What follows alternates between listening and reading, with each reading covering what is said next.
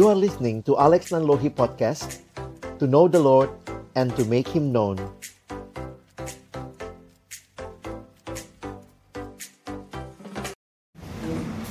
Mari kita satukan hati, kita berdoa sebelum membaca merenungkan firman Tuhan. Bapa di dalam surga, kami kembali bersyukur. Berterima kasih Tuhan memimpin dari awal hingga ini sesi yang terakhir di dalam retret kami. Kami mohon ya Tuhan, kalau kami nanti akan buka firman-Mu, bukalah juga hati kami. Jadikanlah hati kami seperti tanah yang baik, Supaya ketika benih firman Tuhan ditaburkan itu boleh sungguh-sungguh berakar, bertumbuh, dan juga berbuah nyata di dalam kehidupan kami.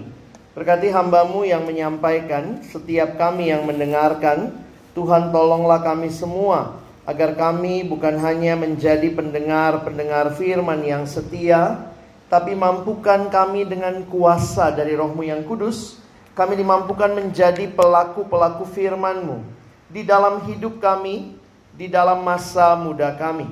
Bersabdalah ya Tuhan, kami anak-anakmu sedia mendengarnya di dalam satu nama yang kudus, nama yang berkuasa, nama Tuhan kami Yesus Kristus. Kami menyerahkan pemberitaan firman-Mu. Amin.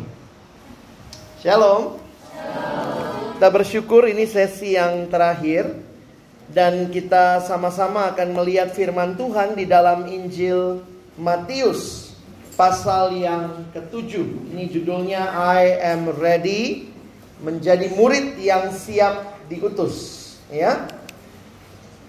Mari kita lihat Matius 7 ayat yang ke-24 sampai dengan ayat yang ke-27.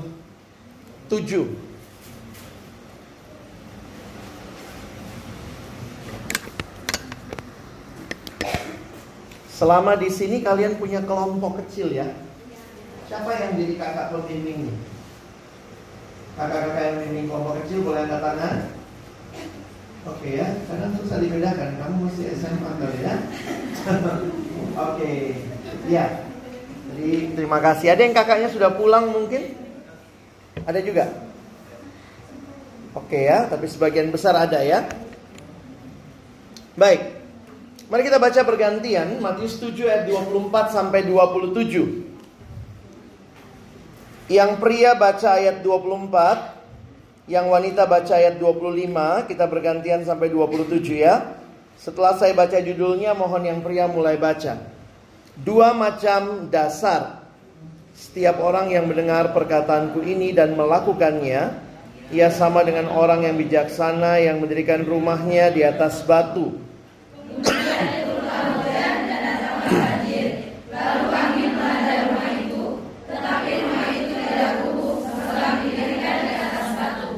tetapi setiap orang yang mendengar perkataanku ini dan tidak melakukannya, ia sama dengan orang yang bodoh yang mendirikan rumahnya di atas pasir.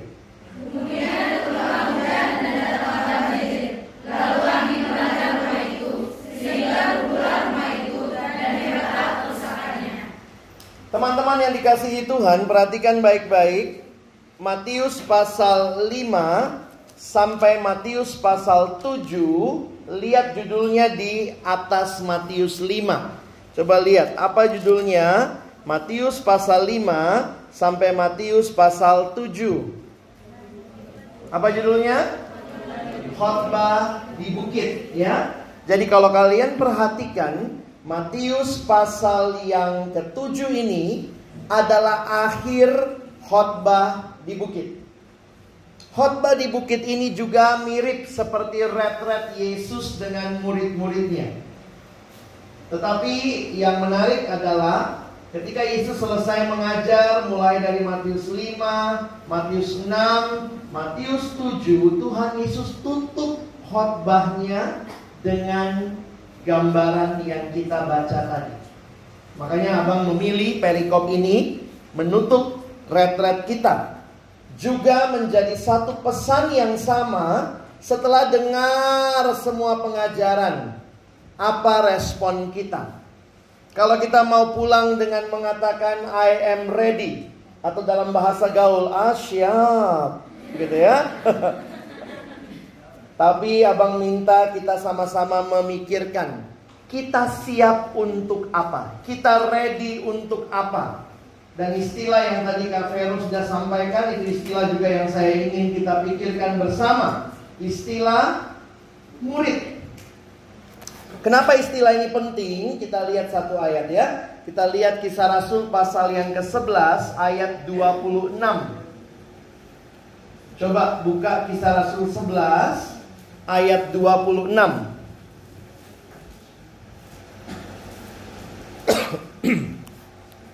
Mari yang sudah menemukan baca dengan lantang. Kisah Rasul 11 ayat 26. Satu, dua, iya. Mereka tinggal bersama-sama dengan jemaat itu satu tahun lamanya sambil mengajar banyak orang. Di Antioquia murid-murid itu untuk pertama kalinya Yesus Kristen. Perhatikan kisah Rasul 11 ayat 26 ini pertama kali kata Kristen muncul di Alkitab kita. Kalau kalian nanti googling Sebenarnya kata Kristen di Alkitab Perjanjian Baru munculnya itu sebenarnya dalam bahasa aslinya cuma muncul tiga kali.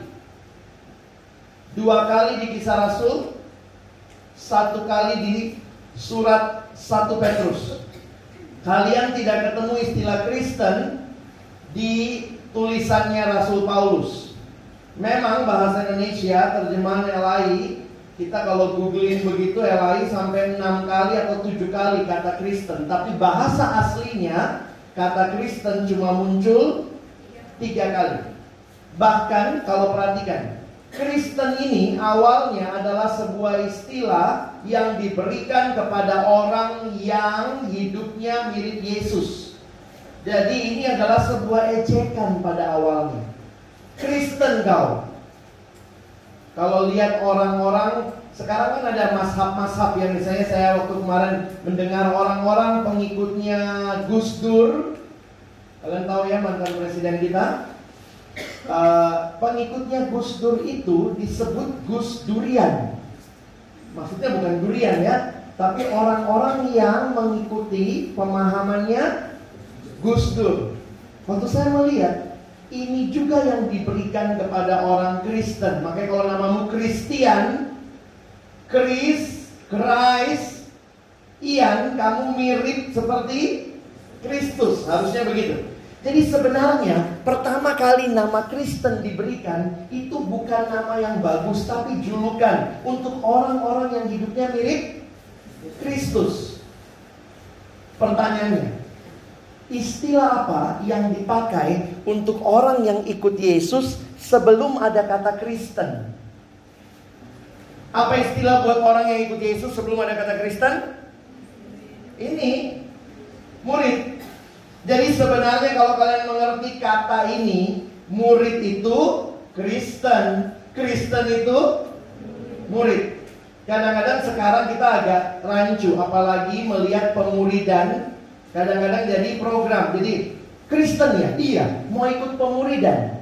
Seolah-olah ada opsi boleh jadi Kristen tanpa jadi murid.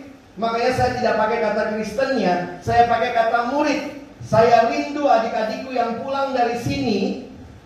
Kamu ikut Yesus. Kamu murid. Yang berarti kamu adalah orang Kristen. Yang benar-benar rela menanggung segala hal karena nama Tuhan. Dan pertanyaan ini yang saya mau berikan kepada kita siang hari ini. Apa arti menjadi murid? Kita akan lihat menurut Injil Matius karena Matius ini banyak sekali menggunakan kata murid sampai kurang lebih hitung sendiri di rumah ya 78 kali. Kita lihat video berikut ya.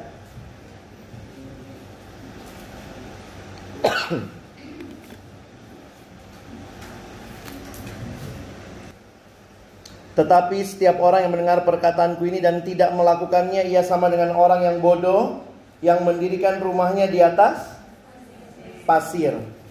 Teman-teman, Abang ingin kita mengerti siapakah seorang murid itu. Mari kita lihat apa yang disampaikan di dalam Matius pasal yang ketujuh ayat 24 sampai 27. Coba kalian lihat di dalam cerita ini, waktu Yesus menceritakan cerita ini ada berapa jenis orang yang dia gambarkan? Ada berapa jenis? Dua. Pertama, pertama namanya orang apa? Yang pertama namanya orang bijak sana. Yang kedua bijak sini. Yang kedua namanya orang bodoh. Apa persamaan keduanya? Sama-sama bangun rumah, itu ilustrasinya. Apa sama persamaan keduanya? Sama-sama men mendengar. Bedanya apa? Satu melakukan, yang satu tidak melakukan. Jadi menarik juga ya, habis Yesus khotbah, orang semua sudah dengar, Yesus bilang begini, pulang kalian dari sini, ternyata ada dua macam orang. Satu orang bijaksana, apa yang dia dengar dia lakukan, satu orang bodoh. Pulang dari rat-rat ini, kamu bisa sangat semangat di sini. Tapi sebenarnya perjuangan hidup jadi murid sejatinya baru berlangsung besok waktu kau pulang. Masih bangun nggak pagi-pagi saat teduh kalau nggak ada kakaknya? Pagi-pagi dibangunkan saat teduh, saat teduh. Mulai besok gimana ini? Jangan sampai teduh semua hidupnya. Kita bergumul untuk hidup jadi murid. Murid itu bukan cuma orang yang banyak dengar. Kalau kau cuma banyak dengar, tidak lakukan. Yesus bilang kamu orang bodoh. Satu waktu ada adik rohani saya, sudah lama memang kami nggak kontak, tiba-tiba kontak lalu cerita. Begini bang, aku suka sama satu cewek, dia laki-laki. Wih, jadi gimana bang? Dia cerita lah, ceweknya baik kali, begini, gini, gini, gini. Saya bilang ya udah, terakhir kan karena dia memang udah kuliah. Jadi saya bilang sama dia, udah siap kau pacaran? Ya udah tembak aja. Nanti mati ceweknya gitu ya. Waktu saya bilang tembak aja, dia bilang itulah bang masalahnya. Saya bilang apa masalahnya? Iya bang, dia bukan anak Tuhan. Jreng, jreng, jreng. Sudah 15 menit kau cerita panjang lebar, kau ikut kelompok, kau sudah belajar MHB, buku-buku yang bagus sudah kau pahami, kau mengerti bahwa yang namanya anak Tuhan harusnya sama anak Tuhan. Tiba-tiba ngomong, tapi dia nggak Kristen bang. Jadi abang menurut abang bagaimana? Putus. Tapi bang, kalau misalnya begini-begini bang, gimana begini, gimana bang? Menurut abang gimana? Putus. Tapi kalau misalnya mau ikut jadi Kristen bang, begini-begini, begini. saya bilang ya putuskan dulu, nanti jadi Kristen dulu baru balik lagi. Tidak ada alasan pacaran supaya jangan mengkristenkan dia. Gak ada begitu. Pacaran jelas tujuannya. Pernikahan. Karena itu karena pacaran tujuannya pernikahan, pernikahannya kudus, pacarannya kudus. Pernikahannya sama orang percaya, pacarannya sama orang percaya. Jadi waktu itu tapi biasa lah ya orang kalau kena penyakit jugulisme, dikasih nasihat, dibalas lagi kayak smash, eh, tangkis. Jadi dia, tapi bang kalau begini begini begini menurut abang bagaimana? Tapi bang kalau begini begini putus. Tapi gini kalau gini nah, putus. Terakhir saya udah bosan juga ya. Udah lama kami teleponan. Saya bilang jangan jadi orang bodoh. Terus dia bilang, iya abang kasar kali. Bukan saya kasar, Tuhan Yesus. Tuhan Yesus mau bilang sama kau, bodoh kau. Kau tahu yang benar kau tidak lakukan. Tidak ada istilah lain. Kalau kita pakai istilah bodoh. Maaf ya. Kalau orang bilang kamu kenapa suka khotbah pakai kata-kata kasar, bodoh. Ih, Yesus lebih kasar, coy. Saya kan dari Yesus. Saya tidak mau adik-adikku kau pulang jadi orang bodoh. Di sini ngerti. Penting sekali saat teduh. Kau sudah dengar. Kau dengar penting datang persekutuan. Penting bertumbuh. Penting hormati orang tua. Pulang pertanyaannya. Kamu orang bodoh? Atau orang bijaksana? Jangan diomongkan, dibuktikan ya. Cinta itu bukan butuh janji, butuh bukti. Kau pulang cinta Tuhan, bukti. Nah, ya. Jadi ini satu hal yang saya pikir, ya juga ya. Jangan-jangan kita cuma jadi orang bodoh. retret semahal ini dengan pengorbanan yang luar biasa. Saya pikir kakak-kakak panitia, abang-abang yang memimpin kalian di kamar, kakak yang memimpin kalian di kamar, para panitia, staff, kami tidak rindu ini jadi retret orang bodoh. Keberhasilan retret ini bukan dilihat karena selesainya siang ini. Tapi ketika engkau pulang dan engkau melakukan yang kau dengar, kau bertumbuh dalam firman, dalam hidupmu, itulah keberhasilan retret ini. Karena ada orang yang jadi orang bijak sana. Kalau kau pulang cuma dari orang bodoh, kau buang waktu empat hari di sini. Lebih baik kau di rumah. Kau buang waktu empat hari. Dengar banyak. Dan saya pikir Tuhan Yesus luar biasa ya. Setelah mengajar panjang juga Tuhan di bukit ya. Matius 5, Matius 6, Matius 7 Yesus tidak bilang asik Semua sudah dengar firman Selamat pulang jalan-jalan Yesus bilang Kau pulang pilihannya ada sama kau Mau jadi orang bijaksana atau jadi orang bodoh. Tuhan Yesus kalau ngajar keras ya. Dan waktu saya pikirkan iya, ini penting buat generasi kita. Pilih mau jadi apa. Yang kedua, kita belajar sebentar dari Matius 23 ya. Coba adik-adikku, abang nggak khotbah panjang lah ya, tapi kita coba lihat beberapa hal yang penting. Matius 23, saya fokusnya Injil Matius ya. Matius 23, coba lihat ayat 1 sampai 3. Abang baca ayat 1, kalian baca ayat 2 dan 3.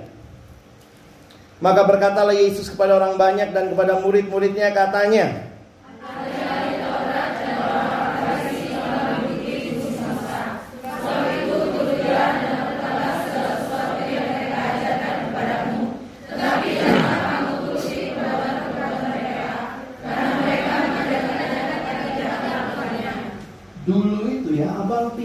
Tuhan Yesus nggak suka semua tentang orang Farisi.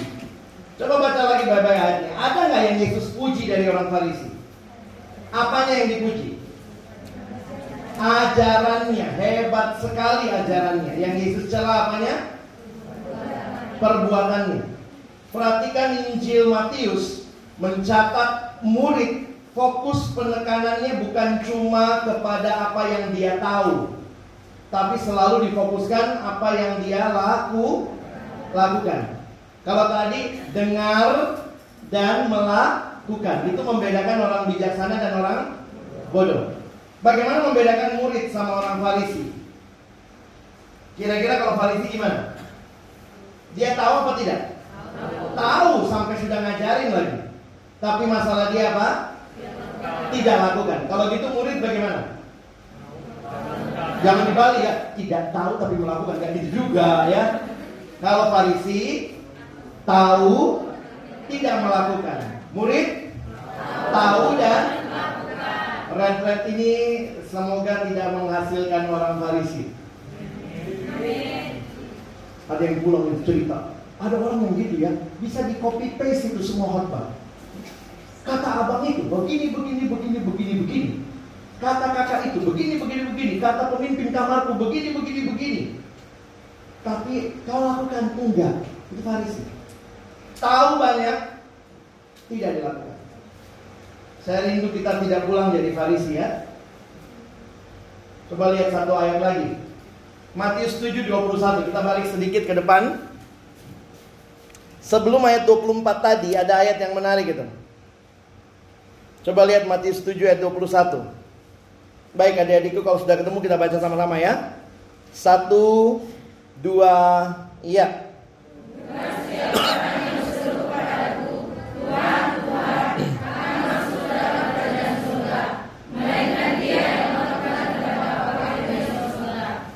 Perhatikan tentu Tuhan Yesus tidak mengajarkan keselamatan karena perbuatan baik, karena melakukan sesuatu. Tapi lihat konteks ayatnya. Yesus lagi bicara penyesat. Bagaimana membedakan penyesat dengan yang benar? Yesus bilang pohon dikenal dari buahnya. Karena itu Yesus mengingatkan, lihat kalau kau betul-betul berkata Tuhan adalah Tuhanmu, itu kau buktikan dengan perbuatanmu. Jadi makanya Yesus bilang begini, bukan semua orang yang berseru kepadaku Tuhan, Tuhan akan masuk dalam kerajaanku. Tetapi mereka yang melakukan kehendakku. Ada orang yang mungkin memang kalimatnya rohani ya. Apa ya? Ya kita kalau kerohanian itu gampang ditiru. Saya ingat waktu kecil gitu ya, kadang-kadang kita suka niru-niru pendeta, pendeta tertentu, oh haleluya, gitu ya, oh puji Tuhan. Bahkan saya pun hormat mungkin kau tiru juga gitu ya. Ada orang yang gampang sekali jadi rohani di hari Minggu. Hari Minggu langsung rohani dia. Apalagi kalau diretet gini rohani semua ya. Nggak kelihatan busuk-busuknya. Papa mama yang tahu busuk-busukmu di rumah.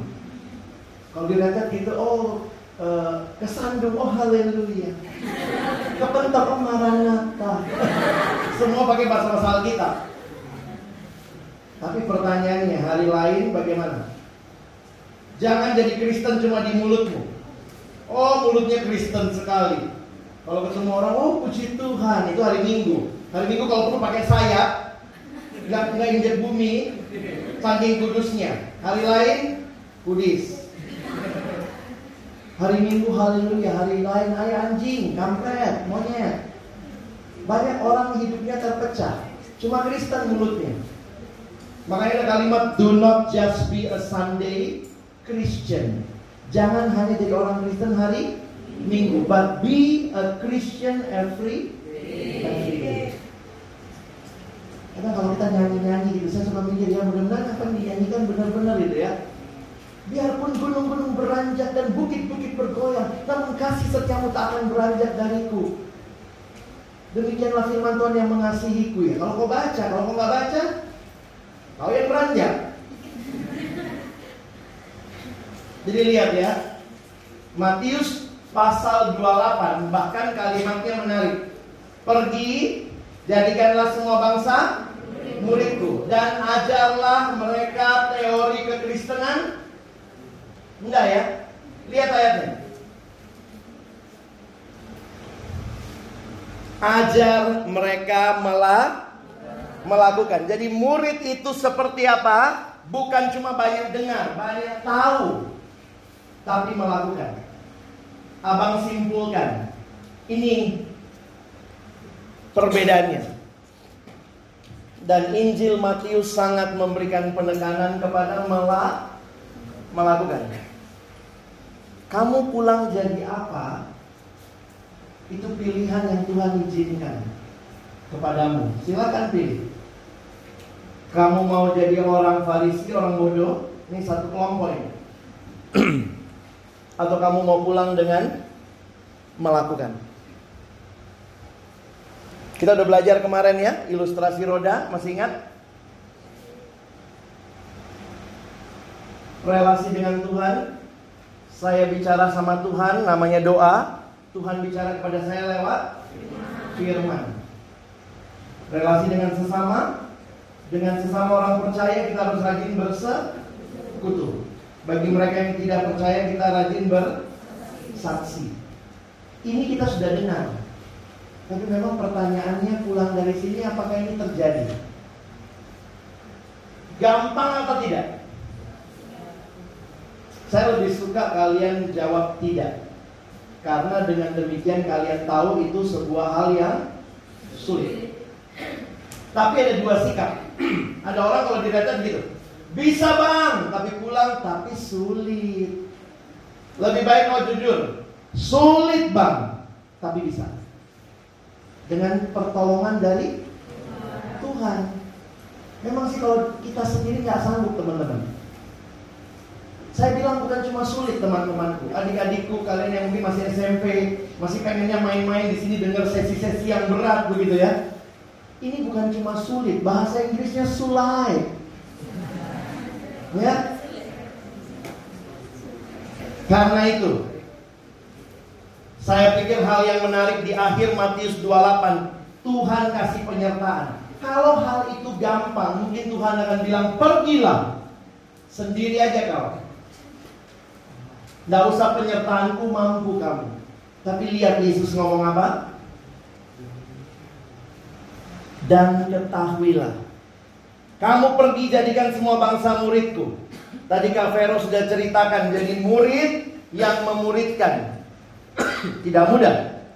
Tapi Tuhan bilang, ketahuilah Aku menyertai kamu sampai kepada akhir zaman. Beberapa orang bilang, ih Yesus bilang menyertai, habis ngomong begini naik ke surga. Iya, siapa yang menyertai? Dia kirimkan roh kudusnya. Tadi lihat lagunya indah sekali ya. Roh kudus yang menyalakan setiap flame di hati kita. Roh Kudus diberikan sehingga engkau yang hidup dalam gelap diterangi dan sekarang kau bisa pergi menjadikan orang lain untuk boleh melihat terang Tuhan. Go light your candle, light up the world. Saya senang sekali lagu itu ya. Itu lagu yang mengingatkan bahwa saya sudah diterangi. Dan Tuhan janjikan, aku menyertai. Roh Kudus diberikan diam di hati setiap kita yang percaya.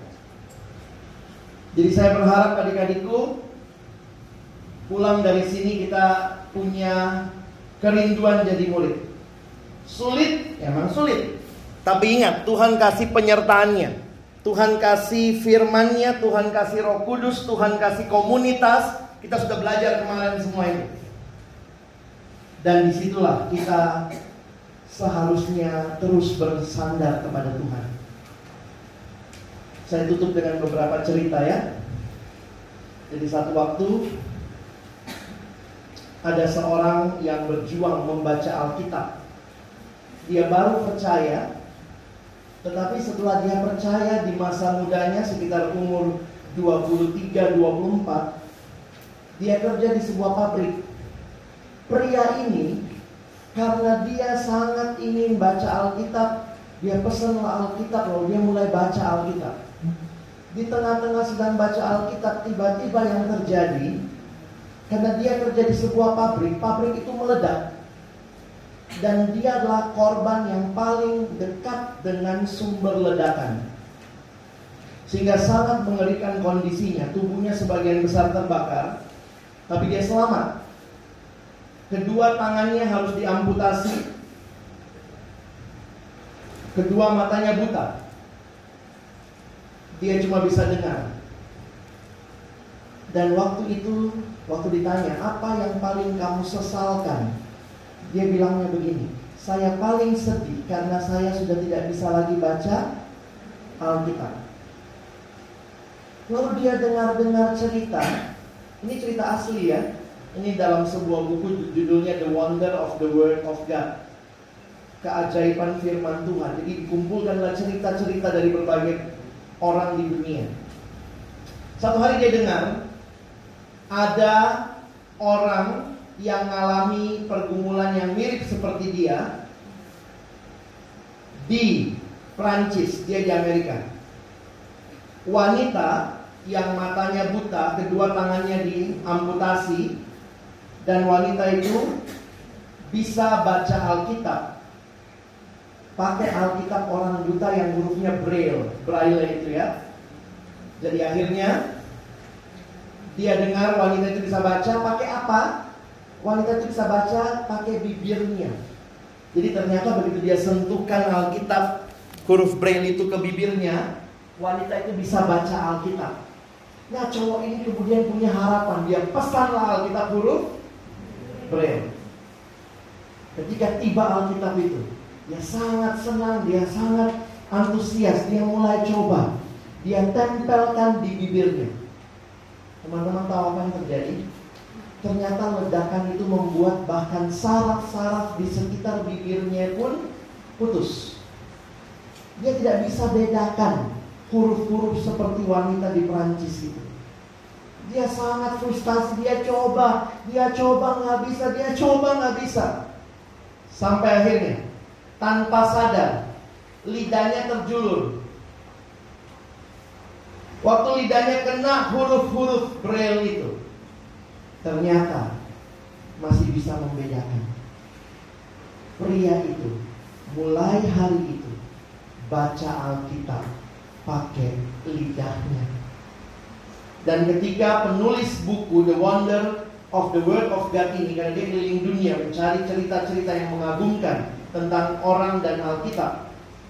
Waktu dia ketemu pria ini, pria ini telah membaca Alkitab enam kali habis dari kejadian sampai wahyu pakai lidahnya. Kadang-kadang saya mikir gitu ya.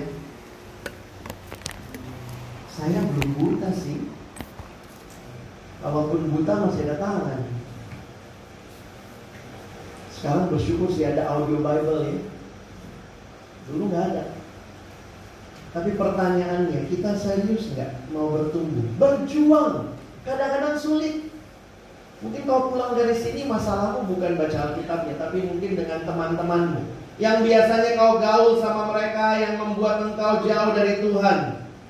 Mungkin ada teman-temanmu yang membuat kamu tidak suka lagi dengan persekutuan. Mungkin juga kamu balik lagi dalam kekecewaanmu dengan keluargamu di rumah. Kadang-kadang tantangannya nggak nggak mudah ya. Di Cina, seorang pria tertangkap. Kenapa dia ketangkap? Gara-gara suka bagi-bagi Alkitab. Di Cina susah sekali Alkitab itu ya. Tapi pria ini diselundupkan dari mana dan dia yang bagian bagi-bagi. Sampai satu waktu dia tertangkap. Ini saya doakan pokok doa ini waktu saya mahasiswa. Jadi waktu kita lagi doa-doa kayak tadi gitu ya. Nah tadi kan misalnya kota lain, kota lain. Waktu itu saya ingat sekali dapat pokok doa dari Cina. Dan saya doakan pria itu. Kemudian dia tertangkap. Begitu tertangkap apa yang terjadi teman-teman? Dia masuklah di penjara. Gara-gara bagi-bagi Alkitab. Entah bagaimana sampai di penjara. Ada lagi yang nyelundupkan Alkitab kepada dia. Eh di penjara dia bagi-bagi lagi Alkitab. Gimana caranya? Nggak bisa dibagi satu-satu kan? Sampai akhirnya Alkitab itu disobek-sobek. Dia bagikan sama orang-orang. Bacanya bergantian. Begitu sudah selesai baca, ada lagi yang kasih. Bagian yang lain disobek-sobek untuk dibaca. Tertangkap lagi dia. Dari penjara, ketahuan lagi. Dia ditaruhlah di sel paling tengah. Kakinya diborgol dengan beban seberat waktu itu saya ingat tulisannya seberat 38 kilo. Kenapa? Biar nggak pergi-pergi dari selnya. Bayangkan kan kalau bawa 38 kilo susah juga. Sehingga akhirnya ceritanya pria ini mulai malas makan karena sakit sekali membawa beban itu bahkan kalau mesti ke toilet. Dan kira-kira beberapa bulan kemudian kami dapat info dia meninggal dunia. Saya mau tanya, apa kira-kira hambatanmu? Apa kira-kira penderitaan yang akan kau alami karena kau mau hidup dalam Tuhan? Saya pikir sih belum sampai nyawa ya. Mungkin baru taruh HP-mu. Hari ini tidak ber-HP dulu, baca Alkitab dulu. Mungkin itu aja penderitaanmu, belum sampai nyawa ya. Tapi pertanyaannya kalau Tuhan nuntut nyawa, rela nggak ya? Siap nggak? Saya ikut Yesus meskipun nyawa saya taruhannya. Abang tidak mau menakut-nakuti kalian. Tapi saya mau mendorong kalian. Ikut Yesus apa pun harganya.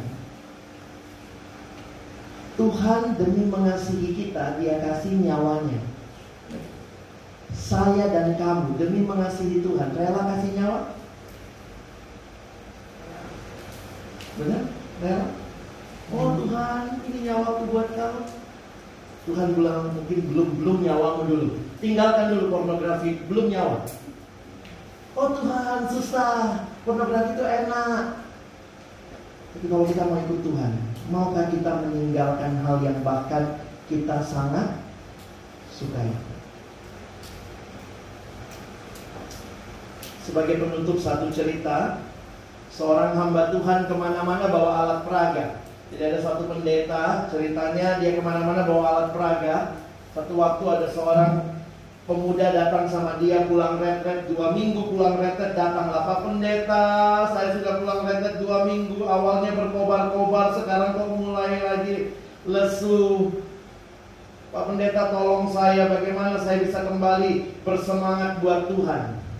Alat peraganya pendeta itu tusuk gigi dia bawa tusuk gigi dia keluarkan. Kalau lihat ini, ya Pak Pendeta ini tusuk gigi, ya. Terus pendeta itu bilang begini, ini kau, ini hidupmu. Oh aku tusuk gigi ya, gitu ya. Dia lihat. Terus kemudian pendeta itu patahkan. Tak, ini kau. Tak, ih Pak Pendeta. Itu kalau kau hidup sendiri.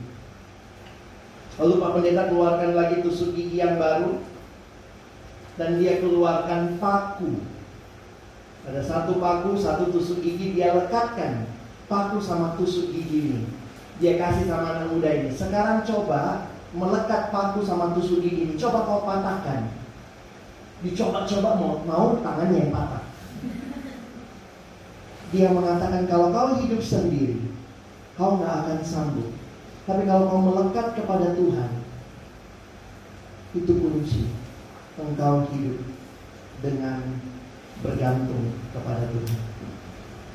Saya rindu adik-adikku pulang dari tempat ini, kita bilang siapnya bukan sama kakak-kakak di sini. Kita bilang siapnya bukan sama panitia. Kita bilang siapnya sama Tuhan. Saya siap jadi murid. Asyik. Saya mau jadi murid yang bayar harga apa pun harganya. Tapi demi cinta saya kepada Tuhan, saya akan berikan kepada dia. Mari kita tunduk kepala.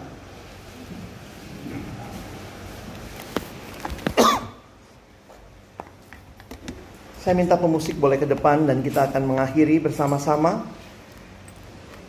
Mari ambil waktu di hadapan Tuhan menyerahkan kepada dia dengan lembut sekali. Saya minta kita berdiam diri sebentar di hadapan Tuhan. Kita pulang dengan menjawab panggilan Tuhan. Siapkah engkau dan saya hidup jadi murid?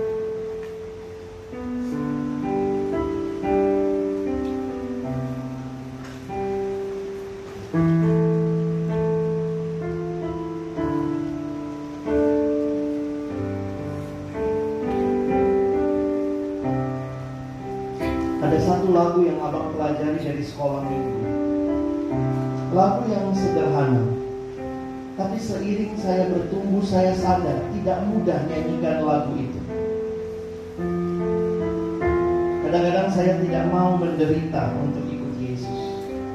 Kalau semua senang, semua nyaman, enak ikut Yesus. Tapi ketika menderita, ketika susah, maukah engkau dan saya tetap ikut Yesus?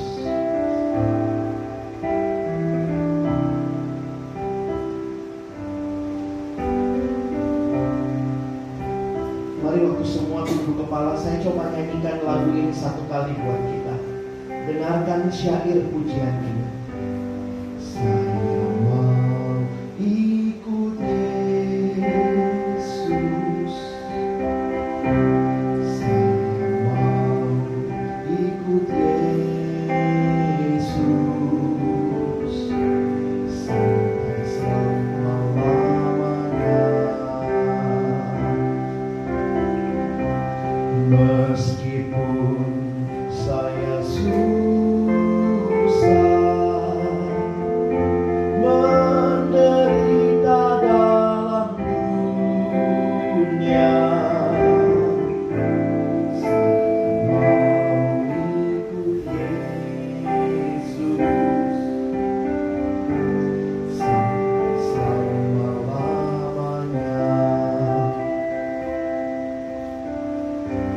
Berapa banyak adik-adikku yang pulang dari tempat ini mau ikut Yesus jadi murid yang sungguh-sungguh siap ikut dia.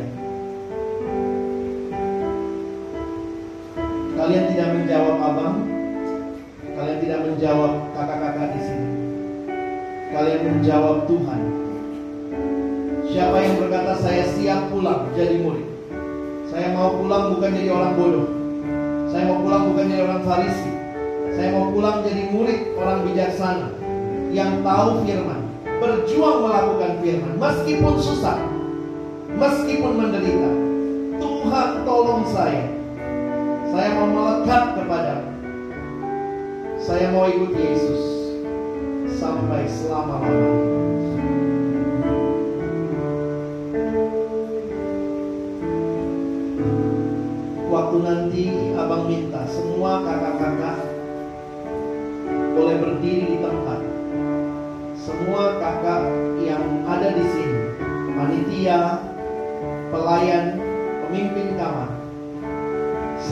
berdiri.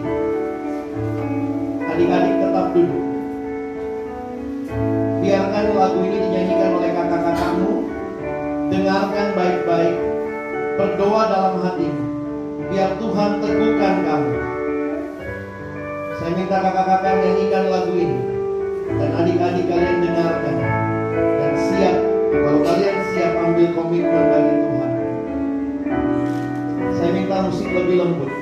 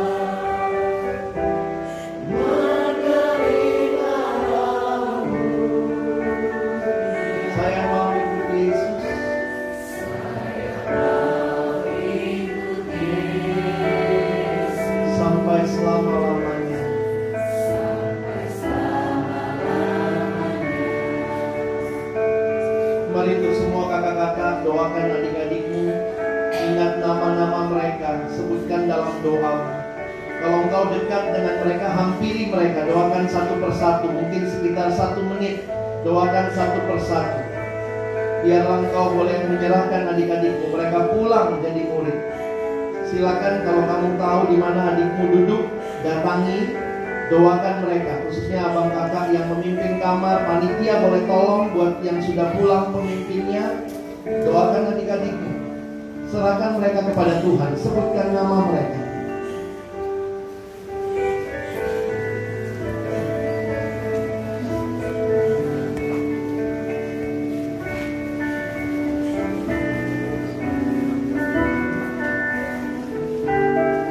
Mari doakan, serahkan mereka kepada Tuhan.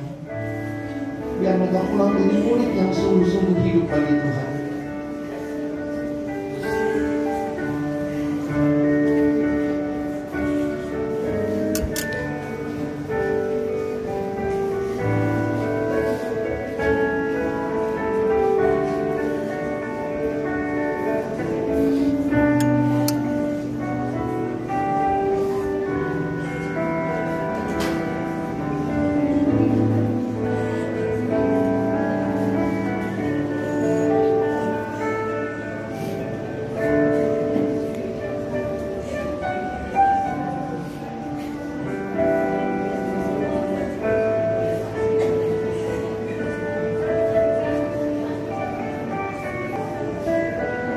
Salam dengan lebih lembut sebagai doa kita kepada Tuhan.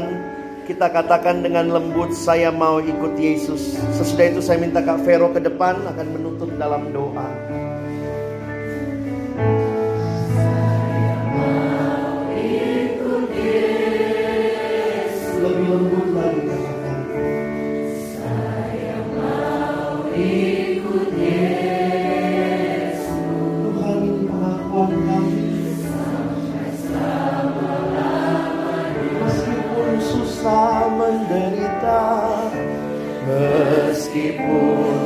saya susah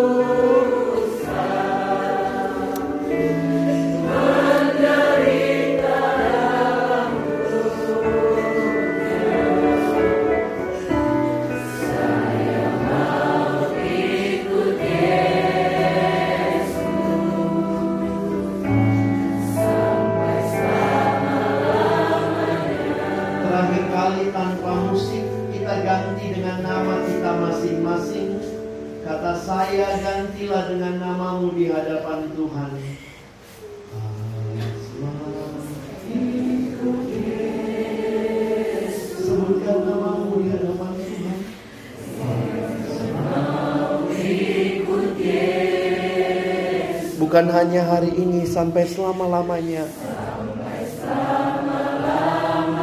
Sebutkan namamu Meskipun Alex menderita dalam dunia. Sebutkan namamu di hadapan Tuhan.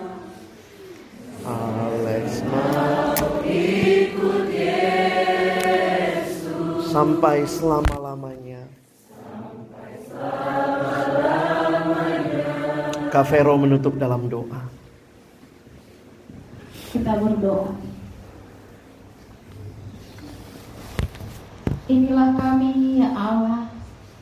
Setiap remaja, orang-orang muda yang berkomitmen menyerahkan hidup untuk mengikuti Yesus bukan hanya hari ini, tapi untuk selama-lamanya.